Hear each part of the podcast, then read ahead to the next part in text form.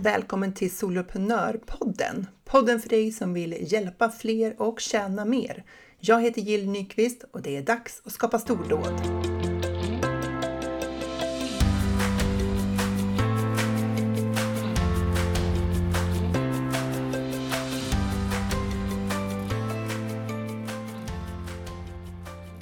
De senaste två veckorna så har jag lanserat min öppning av Soloprenörerna eh, nu i början av januari då, 2022 för de som var liksom taggade att skapa en medlemstjänst under det här året och jobba mer online. Och det har varit fantastiskt roliga två veckor det här. Jag har pratat med massor av soloföretagare på olika sätt och det har varit superkul. Eh, och den här veckan som kommer nu så får jag då Eh, nöjet att eh, träffa alla de här på insidan av soloprenörerna, de som valde att gå med. Och är du en av dem så vill jag bara säga varmt välkommen extra mycket till dig. Vi har ett fantastiskt eh, program framför oss under våren här och vi kommer börja med att vässa våra oemotståndliga erbjudanden. För det är liksom där ändå vi måste börja i vilket problem löser vi för våra kunder? Hur väl beskriver vi det så att de har en möjlighet att förstå att just vi kan hjälpa dem? Så det kommer vi att starta året med att vässa vårt erbjudande, vilket är bra.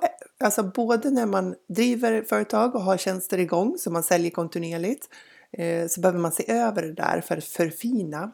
För vi lär oss ju hela tiden vad som funkar för våra kunder och vad som funkar i kommunikationen. Så därför är det läge att se över det även när man är etablerad. Och är man ny och startar upp, då är det ett gyllene tillfälle att eh, börja jobba med att formulera det här, sätta det här för sig själv och för sina blivande kunder. Det som kändes extra bra under den här eh, lanseringen för min egen del, det var att jag kunde återanvända så mycket av det material som jag redan hade skapat. Eh, det är då man känner kraften av att jobba smartare och inte hårdare. Jag säger det lite med betoning som notering till mig själv. För att när vi har material som fungerar, då ska vi naturligtvis använda oss av det och inte börja liksom fräsa runt och skapa nytt material av ingen anledning alls. Och det kände jag verkligen skillnaden nu när jag kunde använda bra material som jag hade använt i tidigare lanseringar och bara uppdatera dem inför den här lanseringen sparade så mycket tid och energi som jag igen, sen liksom istället kunde lägga på att vara med live och verkligen vara närvarande där. Dagens avsnitt handlar, handlar om ett ämne som jag tycker är lite spännande. Eh, human design. Du har säkert hört talas om det. Och jag pratar med Kiki Westerberg som har gjort min human design-karta. Eller eh, hon har hjälpt mig tyda den ska jag väl säga. Eh, den här första delen handlar om vad human design är och så kommer också en del två som handlar mer om hur du kan dra nytta av det du vet kring din karta i ditt företagande.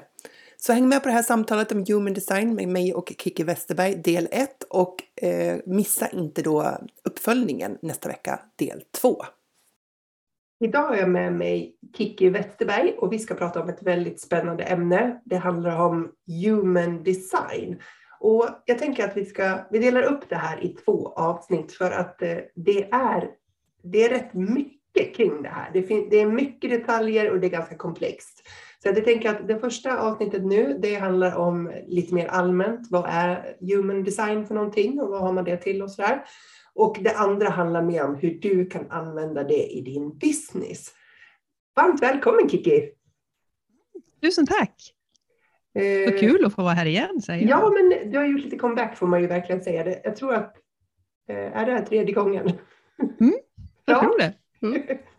Mm. Super, bara... olika ämnen varje gång. Ja, det har ju faktiskt varit det. Mm. Eh, men om någon har missat eh, liksom de tidigare avsnitten med dig, kan du väl bara kort presentera vem du är och vad du gör?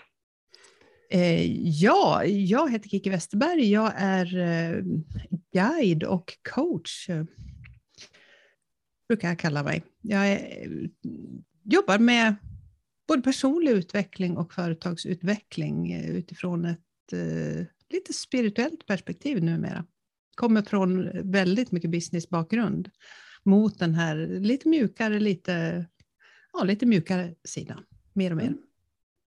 Och du har ju eh, tagit ett grepp om det här med human design nu. Hur kommer det sig? Eh, ja, jag, eh, jag är ju utbildad inom det som heter NLP och jag tror vi pratade lite grann om det då eh, i förra gången jag gästade dig. Och, och, NLP det handlar mycket om hjärnan och våra funktioner. Det är väldigt maskulint, väldigt alltså actionorienterat, hur man ska nå mål, strategier, hjärnans kapacitet och sådana saker. Och jag har väl länge känt att det har liksom saknats det här lite mer det här lite mer, ja, de mjukare värdena, kanske lite mer spirituella om man nu vill det, det hållet. Och det hittade jag i Human Design som, som jag mötte första gången för ganska många år sedan, men inte, ja, jag brydde mig inte så mycket om det just då, men sen trillade det liksom in som en... Jag gick fullt och fast på min intuition och då trillade det liksom in i min värld och då, då ramlade det liksom ner som en sån där pusselbit som har saknats hos mig. Så att eh, idag så kombinerar jag de här delarna. Då. Mm, och eh, vad skulle du säga att human design är för någonting om du skulle beskriva det? Ja, det, man kan väl säga så här, jag vet inte om det är bara jag, men jag tycker att jag ser human design lite överallt just nu. Det har kommit väldigt, väldigt mycket det senaste året och kanske speciellt i Sverige då. Eh, ändå, det är en, för mig så är det ett, både ett konkret och praktiskt system för personlig och andlig utveckling, kan man väl säga. Det är väl liksom grunden i, i i human design, som jag ser det. Men varför heter det human design? Mm, ja, eh, det bygger alltså på en tanke och den, den är jag lite sådär smått förälskad i, det här att, att vi är den som vi är ifrån början. Vi är liksom designade att vara den vi är och på, på ett väldigt liksom naturligt och enkelt sätt. Så det handlar egentligen om det här med att design, man pratar alltså om ett, att man är designad då ett visst datum och sen är man född ett visst datum. Eh, vi kommer att prata lite mer om det här senare. Men just det här tanken att du är den du ska vara liksom här inne. Och sen då så händer det saker under din uppväxt och vi påverkas av mycket olika saker. Men, men långt där inne i ditt inre, där är du den du ska vara och där ligger dina styrkor och hela, alla dina gåvor. Och även lite utmaningar då naturligtvis. Så eh, human design liksom är en, när man då hittar human design så blir det liksom som starten på en process att liksom hitta tillbaks till sig själv. Att, jag brukar jämföra det med att skala av lagren på en lök så där, och tänka så att där inne, minst i, kärnan, där ligger du. Och sen så, så, så plockar man liksom bit för bit av de här olika lagren. Det handlar liksom om en, om en resa om att eh, hitta tillbaka till sitt grundutförande på något sätt. Ja, precis. Grundutförande, det ska jag ta med mig. Det var en bra beskrivning. För det, det är precis det det handlar om, liksom att, att i grunden så är vi, är vi födda då. Så att eh, det, det är lite tanken. Och hur går det till när man eh, tar fram sin för man, eh, ska man säga, karta, human mm. design-karta? Mm. Ja, det, det, är ju så här. Um, Human design det är alltså ett system som bygger på att det finns en karta. Man, man tar alltså, det är inget test. Så det är inte några liksom frågor som, man, som, som många andra liksom profileringssystem och sånt där, utan det är inget test, utan det är en karta som eh, det blir liksom en karta över vem du är och hur du interagerar med andra. Då. Och den här kartan bygger då på din, din födelsetidpunkt. Det är det här som jag tycker är lite spännande och lite hokus pokus också. Ja, visst, visst. Eh, Precis. då ska man ju ange, eh, för jag har gjort det här med dig ju, och då ska man ju ange liksom, eh, vart man är född, eh, vilket datum, vilket de flesta vet, men sen också tidpunkt. Mm, tidpunkten, ja. Och för den då som är liksom kompis med det här med astrologi så kan man ju liksom tänka sig att det finns någon slags koppling där och det, det är ju helt rätt tänkt. Utan, eh, det bygger då på att vi har ett datum, en tidpunkt när vi föds. Och vid den här tidpunkten, när vi föds, så, eh, så påverkas vi då av hur, hur det såg ut i universum då. Nu ler Jill här på den här videon. Jag tycker att det är lite så här, ja eller nej, eller oj vad konstigt. Ja, precis. Och det, man kan tycka att det här är, låter jätte, jätte underligt. Och men det bygger i alla fall på den här tidpunkten när du föddes och hur, hur det såg ut i universum kan vi säga. Det handlar ju också om lite planeter och sådana saker, så blir det ännu mer liksom lite, lite o, okonkret. Men det blir väldigt konkret i, i andra änden. Det, det, det hoppas jag att vi kan liksom framhålla här. Ja. Men sen bygger det också på då ett datum som är alltså 88 dagar före det du föddes.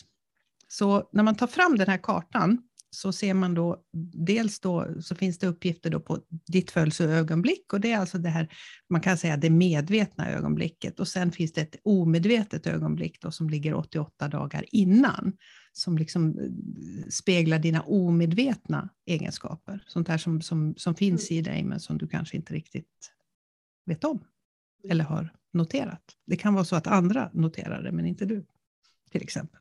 Mm. Så, så det är liksom själva grunden. Och jag tänker att, eh, för att inte förvirra allt för mycket, det är gratis att ta fram den här kartan. Vi kan ju säga det redan nu. Så att eh, där kan man då gå in på, och jag tycker en som är ganska lättförståelig, den heter www.myhumandesign.com. Så där kan man gå in och ta fram sin karta, så kan man liksom se, se den här kartan. Och det, den är väldigt komplex. Det, det, det är mycket siffror och det är mycket grafer och sådana saker, så att det kan tyckas lite sådär svårförståeligt sådär vid första anblicken. Man behöver nog lite mm, guidning och lite, mm, ja, lite mer kunskap för att kunna tolka mm. det och så. Men är man nyfiken så kan man alltså eh, göra det här och mm. det du behöver veta då det är ju Eh, din födelsetidpunkt, klockslaget som man behöver ha med sig ja. in när man anger uppgifter där på den där mindhumandesign.com. Ja. Och vad är det man får ut då, liksom, om man tittar i den stora bilden över här? Ja, man får ut en väldigt, väldigt massa saker. Man får ut många uppgifter som man kanske inte överhuvudtaget förstår vad de står för eller kanske ens behöver så här i första, första hand. Men en fråga som jag ofta får, det är ju det här, vad gör jag om jag liksom inte vet när jag är född? Den dyker upp ganska så ofta. Eh, och, och det blir ju naturligtvis, det blir mer exakt. Det, man vill ju ha det här födelseögonblicket så exakt som det bara går. Eh, men, men ett tips där kan ju vara då att eh, fråga föräldrar om man har föräldrar i livet, eller titta efter om man har någon sån här Mitt första årbok till exempel. Jag hittade min egen här för någon vecka sedan och där stod det så prydligt, liksom mitt födelse tid då. Sen hade jag också en sån här dopsked som var populärt när jag var liten. Där stod det också liksom tidpunkten. Sen kan man ju fråga då både, både släktingar och föräldrar om de finns, om de åtminstone kommer ihåg om man var född på morgonen eller kvällen liksom, eller mitt på dagen. Eh, sen kan man ju, får man kanske ta hjälp sen att liksom titta om man inte kommer längre än så. Då. Men man kan i alla fall få en, och, och, i värsta fall så kan man åtminstone sätta klockan 12 på dagen och titta om liksom man känner sig hemma med, med det man får. Det är inte alls så säkert att det påverkas jättemycket i den här stora strukturen, alltså den här övergripande ifrån början. Ja, men lite tips om man inte vet exakt vilket klockslag man är född. Det är inte säkert man kommer ihåg det. Någon gång har man säkert fått höra när man är född, men det där har ju kanske inte varit så viktigt ja, och var inte lagt på minnet.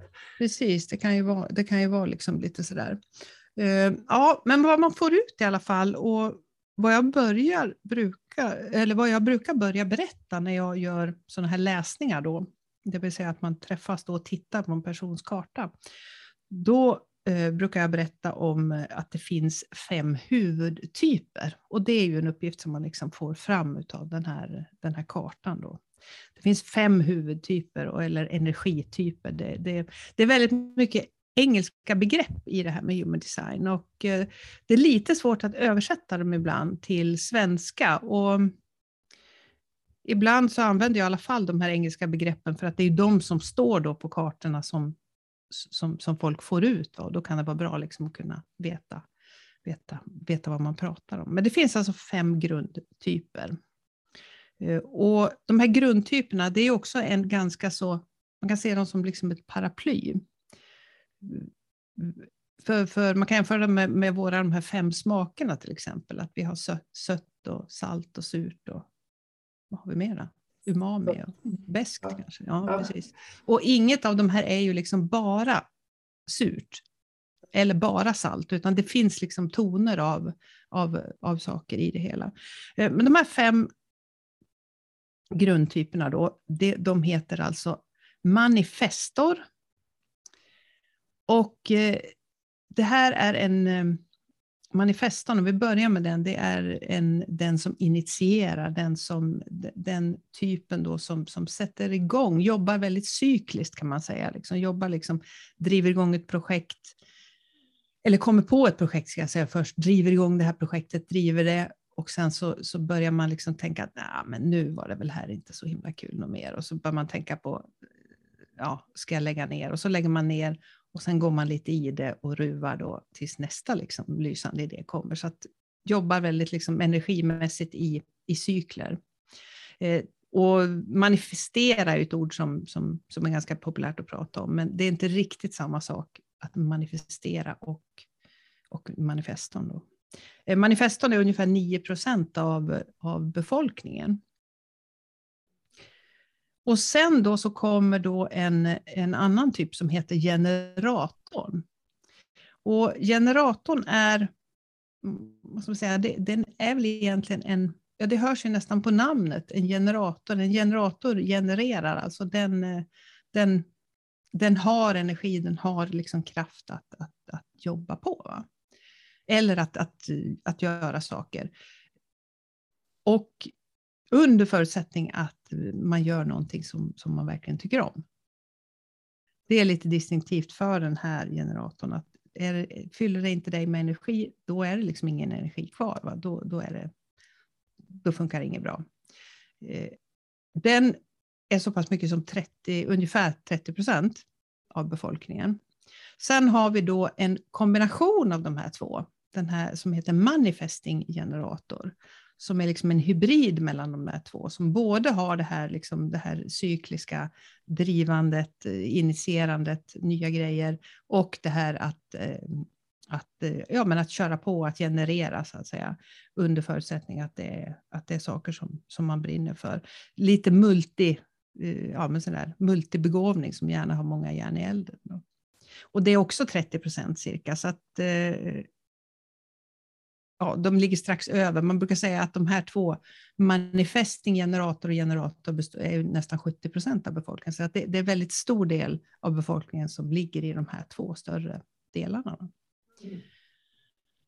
Sen så har vi en, eh, en mindre vanlig som heter eh, projektor, då, som man kan beteckna som, som guiden, eh, ungefär, så, som har lite till uppgift att, eh, att guida de här andra på sin väg och Eh, då på olika sätt naturligtvis. Och sen eh, och likaså inte ha lika mycket energi. Behöver lite mer, lite mer vila, lite mer reflektion, kanske lite mer återhämtning däremellan.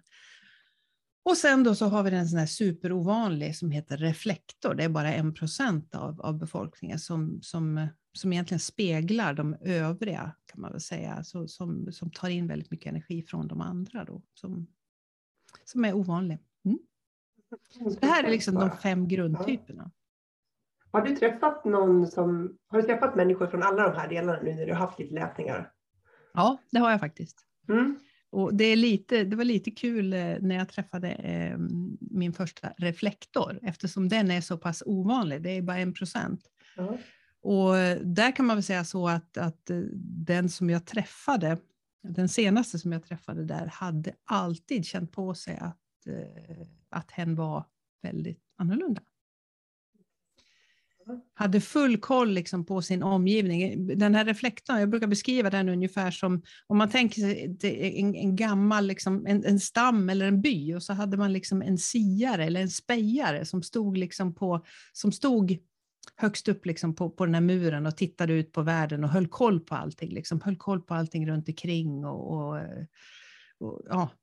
Och så sen varnade liksom de här inne i byn och sagt att nu, nu är det här på gång och nu är det här på gång. Och liksom, så, så det är lite, mm, de ser väldigt, väldigt mycket på, mm, och det här kan ju också ta väldigt mycket kraft det här, att man liksom hela tiden är väldigt receptiv liksom, runt omkring sig.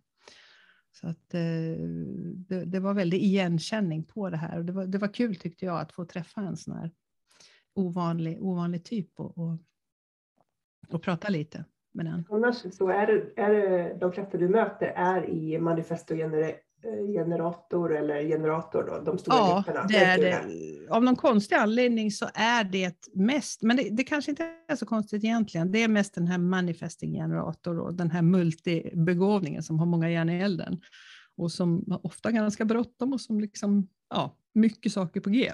Mm. Eh, och jag tänker att det hör lite grann ihop. Jag träffar ju ändå ganska många entreprenörer. Just det, ja. det är ju, det är ju fler än en entreprenör som, som beskriver sig som popcornhjärna kan man väl yes. säga.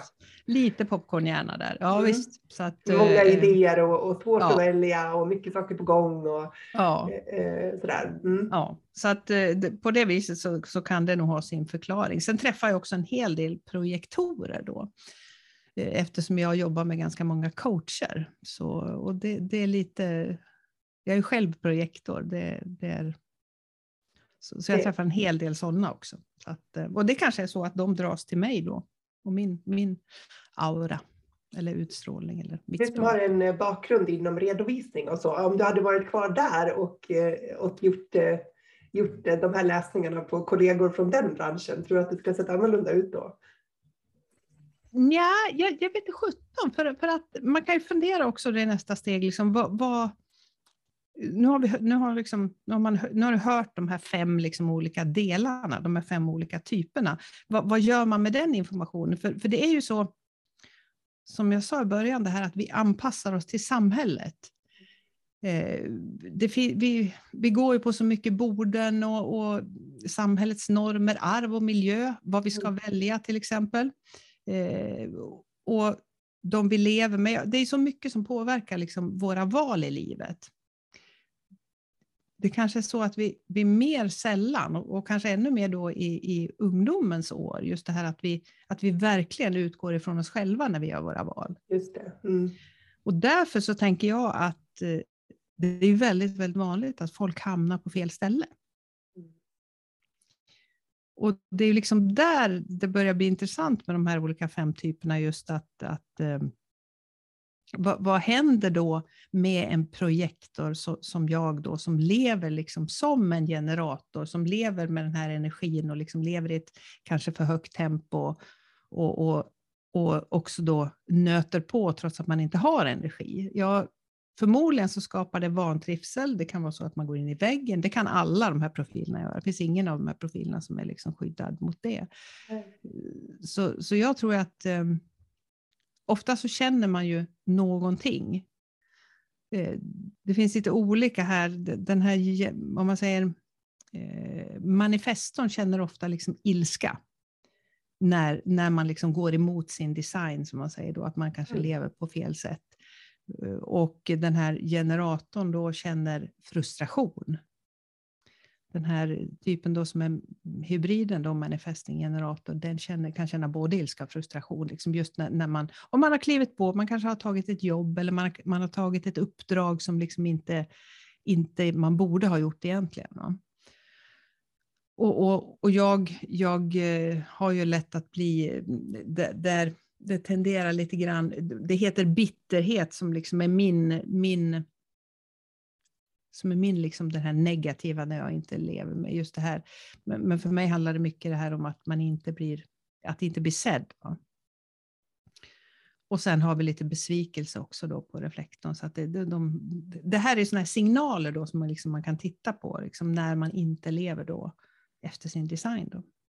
Och det kan ju gälla boende, det kan gälla jobb, det kan gälla val av partner, det kan gälla hela de, alla delar av livet. Där kan man liksom söka lite grann så här, när, när jag känner att det inte är rätt för, i, någon, i något avseende. Blir jag arg eller blir jag besviken eller blir jag frustrerad eller vad mm. är det som, som jag mm. oftast hamnar i? Mm. Men jag tänkte på det du sa om att vi kanske många gånger gör val utifrån förväntningar och samhället och sådär. Jag tänker också, om jag tänker tillbaka när jag var tonåring, inte visste jag vem jag var. Liksom, som person. Alltså jag kände ju inte mig själv än. Det visste jag Nej. inte om då att jag inte gjorde. Men jag kan ju mm. förstå det nu. Mm. Att, att uh, det inte var tydligt för mig. Eller jag hade inte funderat överhuvudtaget i de här termerna. Sen mm. hamnade jag ganska rätt ändå med de val jag gjorde. Så det liksom inget, så kanske det guidade på något vis ändå. Men, men det var liksom ingen det var liksom inte någon sånt, något sånt prat tycker jag, liksom där jag var. Så här, eh, vad trivs du med eller vad vill du göra? Eller, liksom, eller också så var jag inte mogen att ha de diskussionerna så att jag, kommer, jag minns dem inte. Liksom. För att om man ska kunna låta sin egen kärna guida en, då måste man ju vara i kontakt med den då. Mm. Visst, ja absolut. Och eh, vad jag direkt tänker på är ju ungdomarna idag som har så himla många val att göra. Mm. När jag gick i gymnasiet så fanns det ju liksom, vad fanns det, fem program eller något sånt där. Jag, jag vet inte, jag kommer inte ihåg. Men det, linjer, linjer, precis. Ja. Det fanns fem linjer, det fanns inte ens program. och, och, nej, men det var ju väldigt sådär fyrkantigt och, och, jag var bra på matte, då skulle jag liksom läsa någonting med matte. Det var, det var inte mer än så. De här, för jag har ju väldigt, jag har ju väldigt mycket kreativa, eh, kreativa delar i mig och i min personlighet. Och jag, även om jag inte, jag brukar inte ångra saker bakåt, så, så är man ändå nyfiket fundera, liksom, vad hade hänt om jag hade utvecklat de sidorna ifrån början? Mm. mm sen blommade ju de ut i liksom mogen ålder på mig, så där med buller och bång då, men, men man kan i alla fall fundera, för det är ju en del i min karta och det här ser jag väldigt tydligt i min egen profil. Mm. De här grejerna som jag under många, många år kände och jag kände ju en stor jag kände nog både ilska, frustration och besvikelse och alltihop, för, för, jag bar på det här så, så länge. Men, men, det är lite spännande nu när jag verkligen har grävt mig ner i, i, min egen karta, att jag ser ju alla de här grejerna. Jag förstår ju liksom idag anledningen till att jag reagerade. Så att eh, ja, det, det, det, är lite spännande. Ja, det är faktiskt spännande. Och eh, är det så att man fattar beslut på olika sätt beroende på vilken mm. av de här energityperna som man tillhör? Eh, nej, kan jag väl säga. Eh, det, finns, det, är inte, det är inte bara det som styr, men eh, det finns, utan det finns lite andra underliggande delar som styr och du kanske ska gå in på det här, exakt hur det går till. Eh, mm, men det finns alltså tre eh, vi kan ju tro, och det är vi också upplärda liksom under, vi har ju fostrat vår vänstra hjärnhalva genom hela skolan. Eller vad säger du? Mm. Det är liksom den som är fokus hela tiden. Eh, och eh, en del strikta human design säger att hjärnan ska inte användas alls liksom till, till att ta beslut med. Men jag tänker att, ehm, att det, den, den är ju naturligtvis väldigt bra. Hjärnan är bra till att ta in och, och kläcka idéer och, och, och sådana saker. Och att strukturera, processa, skriva plus och minuslistor och sådär. Eh, men det är inte då där som liksom beslutet ska tas. Utan beslutet då ska tas med någon form av känsla, magkänsla eller intuition. Och de här tre, alltså känsla, magkänsla och intuition, de är då kopplade till din karta på ett väldigt specifikt sätt. Som, och eftersom vi inte har någon karta att titta på så ska vi kanske inte krångla in oss i ledningar och sådana saker. Eh, men man kan ju veta ändå att det här känslomässiga sättet att ta beslut då, det är eh, jag tror det är ungefär 50 procent som, som egentligen då är känslomässigt, alltså man pratar om någonting som heter authority, alltså en beslutande auktoritet. Alltså, och det betyder att det är ett sätt att ta beslut då, eh, på saker och ting.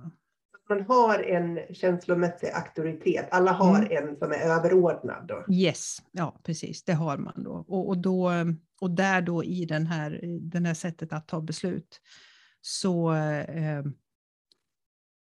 så handlar det alltså om att, om vi börjar då med den här känslomässiga, då, eftersom det, den ligger liksom som nummer ett.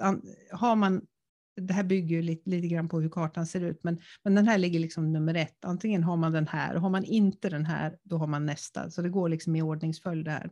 Mm. Och, men det finns tre stycken som är liksom större än de andra. Och den första är känslomässigt, och då, då handlar det mycket om att känna in sina beslut. Eh, det tar ofta lite tid för oss, säger jag, för jag är känslomässigt styrd när, eh, när jag tar beslut. Och jag behöver lite tid för klarhet och framförallt så behöver jag känna, känna mig igenom alternativen. Jag brukar ta exemplet när vi, när vi går ut och äter så där, och jag ska beställa kött eller fisk så måste jag liksom det är nästan så att jag blundar lite grann, lägger huvudet på sned och så känner jag så här, vill jag äta kött? Mm. Eller vill jag äta fisk? Ja, men det var nog kött. Ja, det blir kött. Så det, mig, det går ganska fort, men det går inte lika fort som det gör för min övriga familj, så de tycker jag är lite jobbig. Just det. Kan du bestämma dig någon gång? Ja.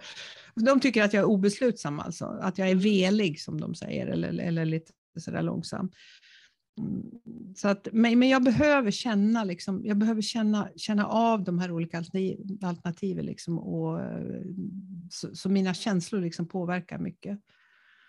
Eh, och då är det också viktigt om man har det här känslomässiga sättet att ta beslut, att inte då ta beslut när man är liksom nere i botten.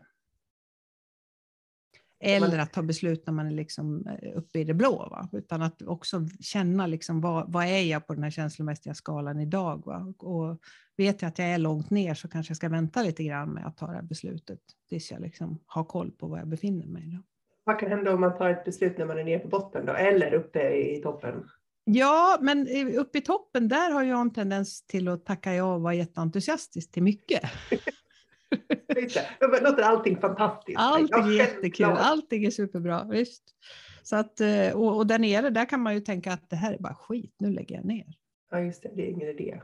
Det är ingen idé. Så att man, är inte no, lite, man är inte konstruktiv någonstans, varken där nere eller där uppe, utan det är någonstans mittemellan där som man liksom där har man den här känslomässiga klarheten då med sig för att kunna ta beslut. Sen kan man ta, ta sin hjärna och, och processa och, och liksom strukturera upp det här som man har beslutat sig om. Då är det fantastiskt bra att ha. Så att, eh, de jobbar ju tillsammans de här. Det var känslo, Mm. känsla. Mm. Men sen har du mm. magkänsla också. Sen har vi mag, magkänslan och magkänslan den hör då ihop med, med, det här, Eh, med den här energin. Och magkänslan, den, den, jag brukar beskriva den som en lampknapp ungefär. En sån här gammal strömbrytare som man liksom slår av och på. Så här, av och på.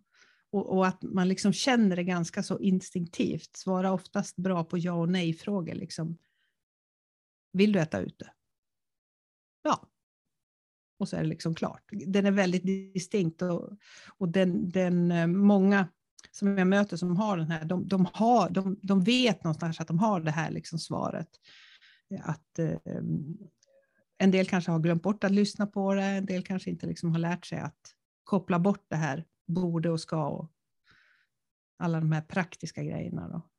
Så, och sen så finns det också en tredje då som är, är, ehm, som är då som är kopplad då till mer fysiska, fysisk intuition, alltså det här liksom att det nästan känns i kroppen. Så de är ganska likartade, den är också väldigt snabb, liksom, snabbt beslutande. Så det är väl de där tre liksom som, som man kan använda sig av. Då. Inte alla, all, man har en av dem, så man ska inte använda sig av alla tre, men man har liksom en, en som ligger för en. Då. Och då spelar det ingen roll vilken av de här fem energityperna man är, utan de kan förekomma inom alla energityper. Nej, inte riktigt, inte riktigt, utan, eh, som, utan det, det skiljer lite grann. Det, vissa kan inte ha Vissa kan inte ha den här, den här lampknappen så att säga, för att eh, de har inte, det, det är kopplat till lite olika center som är, som är liksom en underliggande. Men det framgår på den här rapporten vad det är man har för någonting, för då, då står det där vad man mm. har för authority, som det heter, auktoritet. Det kan man gå in och kolla om man gör det. Det kan man gå in och kolla. Ja, ja. Men man kan ju börja med att fundera, hur tar jag beslut idag? Ja. Egentligen. Det är ju många som inte har funderat på det. Hur man gör. Nej, och jag tänker att jag har ju gjort väldigt många olika personlighetstester i min, i min mitt tidigare yrke som chef. För som mm. chef så ska man ju lära känna sig själv och då verkar man göra det bäst genom att svara på en miljon frågor och få lite olika så här, röd, gul, grön och sådär. Mm. Eller, eh, ja, det finns Myers-Briggs och det finns ju jättemånga olika mm. sätt där. Och jag har ju alltid tyckt att det verkar vara lite finare att ta beslut på fakta. Mm, du ser, det kanske är den här indoktrineringen av vänster hjärnhalva då, eller hur? Jag tror, jag tror det. Det är ju fakta och, och om man tänker, om man tänker liksom tillbaka då till, till långt, långt tillbaka, när då, om man tänker på de här siarna som kunde liksom sia och spå framtiden, de stod ju väldigt högt i kurs i samhällena. Ja. Sen kom vetenskapsmännen liksom och tog över och skulle ha liksom fakta och klarhet och, och liksom så att eh, det kanske... Sen kom Google. Och sen kom Google, ja precis, och då tog den över alltihop. Så nu, nu tror vi på vad som helst. tror vi på vad som helst. Ja, nej, men jag tänker att, att eh, det beror naturligtvis på vilka sammanhang man är i och så, mm. men i de sammanhang jag, jag har befunnit mig i så har jag alltid haft en känsla av att eh, det är ändå lite bättre att ta beslut på fakta än på någon form av magkänsla eller känsla eller sådär. Mm. Eller mm. också är det bara jag som har liksom tyckt att det, att det är bättre. Mm. Det kan du eh, fundera på. Ja. Mm. Eh, eller någon form av kombination. Sådär. Mm. Men för att jag tänker att jag kommer från en värld där man gör beslutsunderlag, liksom, man gör analyser, man tar fram siffror och det är utifrån de här sakerna som man ska fatta mm. sina beslut. Mm. Eh, och det, det, var ju aldrig någonstans i det beslutsunderlaget som det stod så här, hur känns det? Nej. Det är en sån här typisk idrottsfråga tänker jag, eller hur? Ja. När man får micken efter ett sånt här lopp, liksom, hur känns det? Hur känns det? Den har ju kommit liksom på senare år och, och den kanske vi egentligen ska ta på mycket, mycket större allvar och fråga oss liksom själv, för det är ju egentligen det det handlar om. Hur sjutton känns det egentligen? Ja, för grejen är den. Jag tror att alla tjusiga beslutsunderlag och analyser, eh, hur som, så är min upplevelse ändå att man många gånger har redan fattat beslutet. Man vill bara ha underlaget som ursäkt. Så här, mm. Att jag vill egentligen det här. Jag vill göra den här investeringen eller vad det nu är för någonting man vill som chef. Och sen gäller det bara att hitta siffrorna för att backa upp det beslutet. För man måste mm. på något vis stå upp för det beslutet i, i hierarkin, i, i, som i organisationen beroende på vart man mm. är och sådär. Mm. Um, och då kan man ju fundera sig, vad, då kanske det, liksom det är den första instinktiva, att jag vill göra det här, det grundar sig kanske mer på känsla. Då. Ja, och, och då kan man väl säga, då lirar väl de här två ganska bra ihop och, och egentligen då på på precis det sätt som, som vi har beskrivit här. Att, att först tanken, eh, inspirationen och den här, för den här idén kommer ju någonstans ifrån då. Eh, och, och sen så känner man av lite grann, är det här, är det här okej? Okay? Och sen, sen tar man till hjälp då all den här liksom processande kunskapen och underlag och alla såna här saker för att, liksom, ja, för att kunna utföra det hela. Va? Så att um, egentligen så tror jag att vi kanske gör mycket av det här redan idag. Fast man kanske kan göra det med lite mer eftertanke. Ja, just det, lite mer medvetet. Mm. Jag, jag, tänker på det senaste när vi köpte en bil i, i familjen här mm. eh, för några år sedan.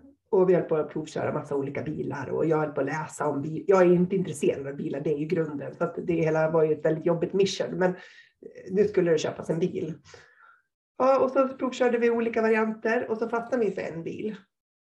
Och så liksom hör jag oss prata om liksom vad fördelen är med den här bilen gentemot här. För det fanns ju klart billigare bilar till exempel.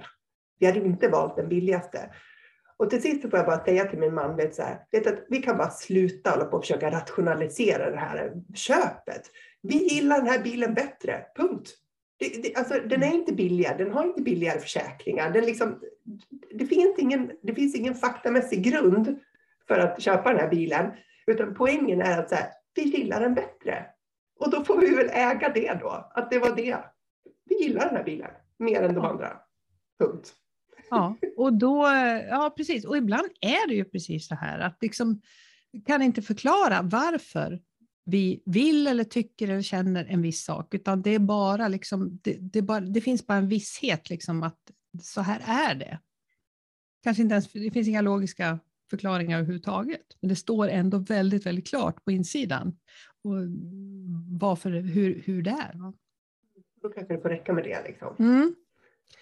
Och, jag tänker att det här är ju, det här är ju fantastiskt bra verktyg i, i att använda i ditt entreprenörskap, i din business. Mm. Att liksom vara medveten om de här delarna. Jag tänker att det är ju exakt det vi ska fortsätta prata vidare om i nästa avsnitt, eller hur Kiki? Visst, absolut. För det finns ju praktiska användningsområden. Är det någonting du vill lägga till innan vi avslutar den här delen som handlar om liksom beskrivningen av vad human design är som du ja, tycker att vi inte har kommit in på? Ja, någonting som vi egentligen skulle ha börjat med eller åtminstone tagit där i början som jag kom på att det där hoppade vi över. Kan jag tala om då att det är ett relativt nytt system det här med human design. Det kom alltså 1887 så var det en kanadensare som, eh, som fick till sig, brukar jag säga, hela det här systemet. Så det är ganska så... Um, och sen han, han, han gick bort 2011 tror jag, den här, den här mannen. Och eh, sen dess så har han jobbade fram tills han gick bort med att sprida det här systemet över världen. Men sen har det liksom fått en liten nytändning eh, på senare år. Och det består alltså av astrologi, det sa vi ju direkt att det är influenser därifrån. Eh, och även då ifrån chakrasystemet och det kommer vi att få höra lite mer om i nästa avsnitt. Och sen då så handlar det om I Ching som alltså är världens äldsta bok. Det är ett kinesiskt visdomssystem. Mm. Sen finns det något judiskt visdomssystem som heter Kabbala, livets träd. Och sen har vi lite kvantfysik och lite, lite genetik i det hela för att liksom dutta till det ordentligt. Så det, finns många, det finns både gamla och nya influenser i det här, i den här grytan som är human design. Så att, um, ja, det var väl det ungefär. Ja, och jag tänker att det skulle ju verkligen förklara komplexiteten eh, bakom det här. Att det finns mm. så många olika områden som har vägts samman och mm. skapat det här systemet. Absolut. Mm. Ja, men vad spännande. Då, då, då ser vi fram emot fortsättningen här. När man, hur, hur kan man använda human design i sin business? Yes. Eh, tusen tack för nu, Kiki. Mm, tack. Och jag hoppas att du som lyssnar funderar på om human design kan hjälpa dig att skapa dina stordåd.